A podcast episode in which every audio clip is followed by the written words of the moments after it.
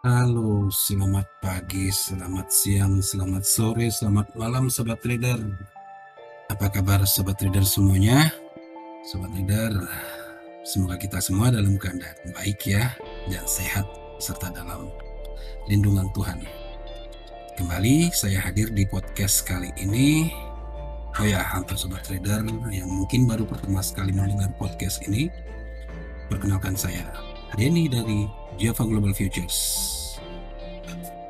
Nah, dalam podcast kali ini saya akan mencoba untuk membahas mengenai suku bunga dan pasar forex. Ya, seperti yang kita ketahui ya di dalam perdagangan forex ini suku bunga uh, atau keputusan suku bunga dari bank sentral sangat mempengaruhi pergerakan forex. Meski bukan hanya forex untuk komoditi khususnya emas dan uh, minyak ya atau oil pasti terpengaruh. Sebelum saya lanjutkan post podcast ini mungkin sobat trader ada yang belum follow apa men-subscribe channel YouTube kami. Kalau yang belum silahkan subscribe dan jangan lupa juga mengklik tombol lonceng supaya sobat trader mendapatkan notifikasi untuk setiap video dari kami. Oke, kita masuk ke topiknya. Jadi hari ini eh, atau podcast kali ini saya akan membahas mengenai hubungan suku bunga dan pasar forex. Dalam pembahasannya nanti saya akan menjelaskan mengenai apa itu suku bunga dan bagaimana suku bunga mempengaruhi perdagangan mata uang, perbedaan suku bunga dan forex, bagaimana trader dapat memproyeksi suku bunga bank sentral dan pengaruhnya terhadap pasar forex. Strategi utama trading dengan suku bunga forex ini yang menarik ini. Oke, yang pertama, apa itu suku bunga dan mengapa penting bagi trader forex? Jadi ketika, ketika kita membahas suku bunga yang ada dalam benak kita, sudah pasti suku bunga bank sentral. Ini terutama untuk trader forex ya. Pasti langsung merujuk ke suku bunga bank sentral. Kenapa suku bunga ini penting bagi trader forex? Karena ketika tingkat suku bunga yang diharapkan berubah, maka mata uang terkait dengan suku bunga bank sentral negara tersebut juga mengikutinya. Dalam menetapkan tingkat suku bunga, Bank Sentral mem memiliki beberapa alat kebijakan moneter yang digunakan. Uh, tapi yang paling umum itu ada dua. Satu, operasi pasar terbuka. Di sini Bank Sentral melakukan pembelian dan penjualan sekuritas di pasar dengan tujuan mempengaruhi tingkat suku bunga. Ini biasanya Bank Sentral uh, membeli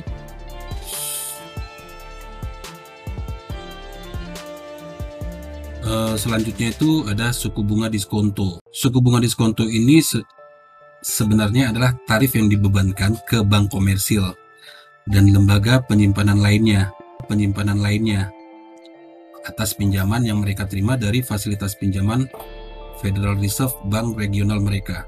Jadi ya kalau di Amerika itu Federal Reserve ya kalau di negara lain seperti yang sudah pernah kita bahas ada itu BOE, ada ECB, BOJ, ya dan seterusnya.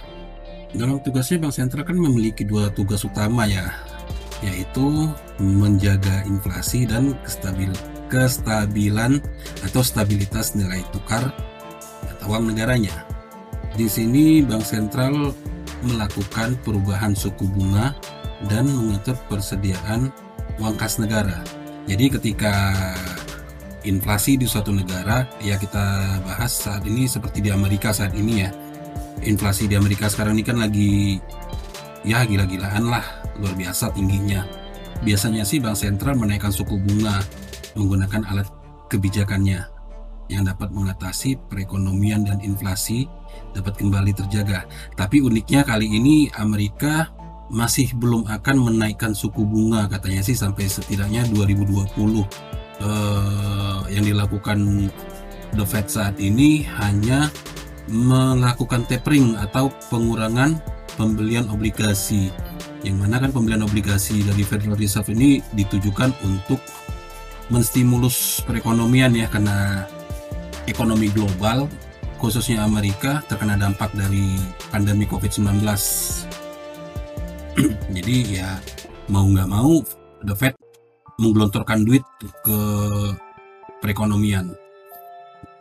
Jadi setelah pandemi ini sudah mulai berkurang aktivitas ekonomi juga sudah mulai meningkat uh, harganya gila-gilaan jadinya. Harga naik ada yang karena masalah pasokan seperti di ya hampir-hampir di seluruh negara ya yang masalah pasokan microchip untuk mobil itu ya dan beberapa alasan lainnya lah sehingga membuat inflasi itu melambung tinggi tapi di sini memang the Fed tidak langsung menaikkan suku bunga tetapi melakukan pengurangan pembelian aset.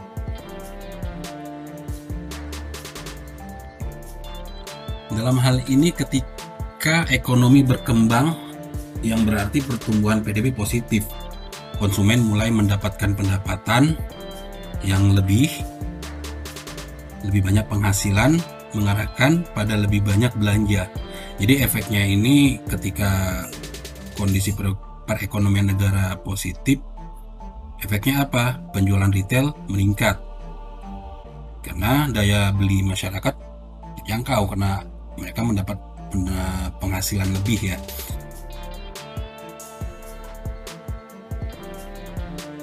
Umumnya ketika orang memiliki penghasilan yang banyak, orang pasti akan berbelanja tuh. Mulailah pengeluaran beli ini beli itu. Tapi ketika orang sedikit mengejar barang sementara maksudnya mengejar barang itu berbelanja ya mengeluarkan uangnya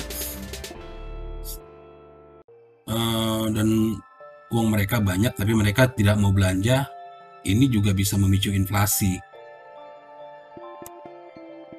meski secara umum inflasi itu terjadi karena beberapa faktor seperti permintaan ya meningkatnya biaya produksi maupun jumlah uang yang beredar, kenaikan harga-harga. Ini disebabkan oleh ketersediaan barang yang tidak sepadan dengan tingginya permintaan. Jadi ini ada hubungannya dengan hukum supply and demand. Ketika permintaan tinggi tapi barang yang nggak ada, ya itu tadi kan karena masalah eh, sehabis pandemi orang banyak berbelanja tetapi produksi mandek akhirnya harga naik. Inilah yang menjadi PR besar The Fed sebenarnya. Kalau inflasi ini dibiarkan, ini bisa menjadi bencana besar memang. Sehingga beberapa bank sentral berusaha untuk menjaga inflasi pada level targetnya.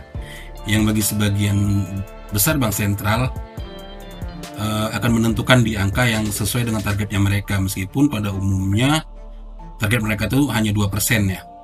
Seperti BOE juga 2%.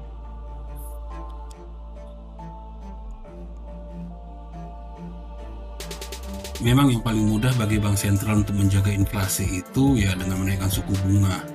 Tapi dengan kenaikan suku bunga ini membuat pinjaman menjadi lebih mahal. Meski memang membantu mengurangi pengeluaran dan inflasi tadi. Jika perekonomian kontraksi atau pertumbuhan PDB negatif, ini juga akan menjadi masalah, yakni terjadinya deflasi atau inflasi yang negatif. Bank sentral juga harus turunkan suku bunga untuk memacu pengeluaran dan investasi perusahaan pun juga mulai memberikan pinjaman dengan suku bunga rendah untuk diinvestasikan dalam ya sebut saja proyek ya yang meningkatkan lapangan pekerjaan, pertumbuhan dan terutama inflasi. Lalu bagaimana suku bunga itu bisa mempengaruhi nilai tukar mata uang suatu negara? Bagaimana caranya suku bunga mempengaruhi pasar forex? Ya melalui perubahan harapan pada suku bunga itu sendiri yang membuat berubahnya permintaan untuk mata uang negara terkait.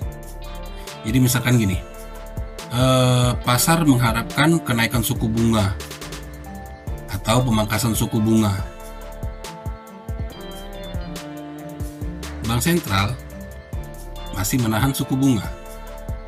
Hasilnya, mata uang negara terkait akan melemah. Ya kayak ini ke baru baru baru beberapa jam yang lalu ya untuk podcast ini direkam.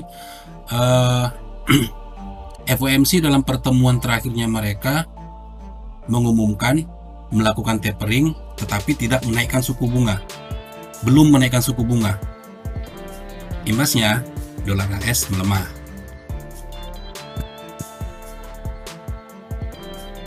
Lalu bagaimana jika pasar mengharapkan uh, suku bunga itu ditahan? Nggak ada kenaikan suku bunga.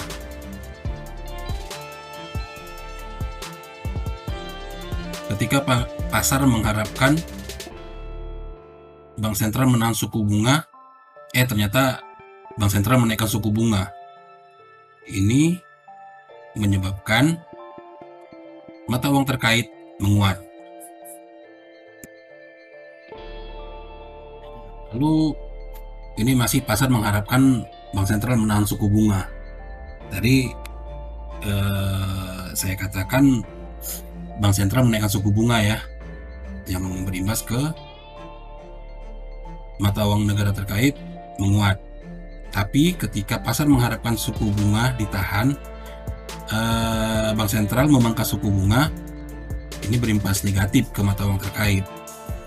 Lalu bagaimana jika pasar mengharapkan bank sentral memangkas suku bunga? Tapi ternyata bank sentral menahan suku bunga. Ini juga pengaruh positif ke mata uang negara terkait. Ringkasnya seperti itu ya, mempengaruhi Eh, kenapa kebijakan suku bunga itu mempengaruhi nilai tukar mata uang di suatu negara. Lalu bagaimana cara memproyeksikan suku bunga dan pengaruhnya terhadap pasar forex? Jadi memang yang harus dilakukan trader itu adalah memantau apa yang sedang dipantau oleh bank sentral. Jadi saling memantau nih. Bukan berarti bank sentralnya memantau trader, tapi tradernya memantau apa yang dipantau oleh bank sentral pejabat bank sentral mencoba setransparan mungkin kabarnya demikian kepada publik mengenai kapan mereka akan menaikkan suku bunga dan data ekonomi mana yang sedang mereka amati saat ini. Jadi seperti balik lagi seperti Federal Reserve ya. Kenapa Federal Reserve masih belum menaikkan suku bunga? Lebih ke uh, sektor lapangan pekerjaan Amerika yang masih belum sesuai harapan The Fed ya sesimpel itu sih meskipun data ADP pada hari Rabu kemarin tanggal 3 November 2021 kenaikan itu cukup signifikan itu setelah hasil di September direvisi dan kenaikannya cukup positif. Tapi ya balik lagi The Fed juga mungkin masih memantau uh, data NFP non farm payroll. Nah, itu data yang paling penting tuh ya sangat sangat sangat sangat dipantau oleh pasar. Tidak hanya trader besar eh tidak hanya trader receh tapi trader besar juga memantau data itu meski sebenarnya juga bank sentral dalam memutuskan kebijakan suku bunga suku bunganya itu juga berdasarkan beberapa data ekonomi yang menunjang ya jadi tidak hanya uh, masalah sektor tenaga kerja seperti di Amerika tapi juga melihat uh, eh, CPI, CPI, inflasi di tingkat konsumen, retail sales ya dan lainnya lah. Sehingga trader ini memang harus up to date, dia harus refresh terus pengetahuannya pada poin data-data terkait dengan terus memantau kalender ekonomi mungkin. Nah ini yang terakhir, pasti orang pada, pada bertanya, ada nggak strategi trading forex dengan suku bunga? Jawabannya ada, tetap ada. Trader dapat memilih untuk mulai trading dengan hasil risalah eh, suku bunga tadi atau risalah pertemuan atau hasil rilisan berita mengenai suku bunga. Ya seperti seperti biasa lah ya membuka posisi buy atau sell sesuai dengan itu aja. Apakah sentimen uh, hasil dari pertemuan atau dari kenaikan suku bunga itu berdampak positif terhadap mata uang? Ya kalau positif berarti harusnya menguat ya mata uang itu. Berarti posisi yang harus diambil itu buy. Gitu juga sebaliknya. Kalau negatif ya tinggal sell. Namun ada baiknya metode yang diambil trader itu wait and see ya mungkin bisa dikatakan seperti itu ya kan kenapa wait and see ya kita menunggu dulu pembalikan harga setelah setelah uh, pengumuman suku bunga ini diumumkan. Jadi misalkan gini uh, seperti FOMC kemarin itu diumumkan jam 1 dini hari waktu Indonesia Barat. Mungkin kita bisa menunggu dalam waktu setengah jam setengah jam pertama arahnya arah mata uang ini pergerakan mata uang ini ke mana ini? Bullish apa bearish tunggu aja dulu sampai uh, di candlestick kedua dalam time frame uh, 30 menit. Kalaupun time frame satu jam mungkin terlalu terlalu jauh mungkin ya. Tapi ya nggak nggak masalah juga kalau memang punya punya strategi yang jitu dengan metode seperti itu ya silakan aja. Tapi ya ya itu tadi ya lebih lebih baik menunggu melihat pembalikannya ke arah mana disesuaikan dengan strategi tradingnya sobat trader semua ya sudah. Jadi masuk posisinya itu setelah data rilis aja jangan, jangan sebelum atau di tengah rilis data. Tapi kalau memang jago ya nggak apa-apa silahkan. Oke, jadi dari penjelasan singkat itu tadi ada tiga konsep utama ya atau tiga kesimpulan. Uh, yang pertama itu keputusan suku bunga itu sendiri cenderung kurang penting dibandingkan dengan pergerakan suku bunga selanjutnya. Kedua, perdagangan mata uang dengan perbedaan kenaikan suku bunga dapat meningkatkan kemungkinan trading yang sukses. Yang ketiga, penting untuk sobat trader untuk terus up to date, merefresh atau upgrade pengetahuan data ekonomi menggunakan kalender ekonomi pastinya untuk memperkirakan potensi perubahan pada ekspektasi pasar. Ya, sobat trader, kurang lebih itulah penjelasan singkat saya mengenai suku bunga dan pasar forex. Bagaimana kebijakan suku bunga itu mempengaruhi pasar forex. Podcast saya kali ini diambil dari website edukasi Java di edukasi.javafx.co.id edukasi.javafx.co.id Sobat trader bisa mengunjungi website edukasi Java. Nanti linknya kita saya kasih di bawah ya di deskripsi. Dengan tema suku bunga dan pasar forex. Oke, sobat trader, itu tadi pembahasan singkat mengenai suku bunga dan pasar forex.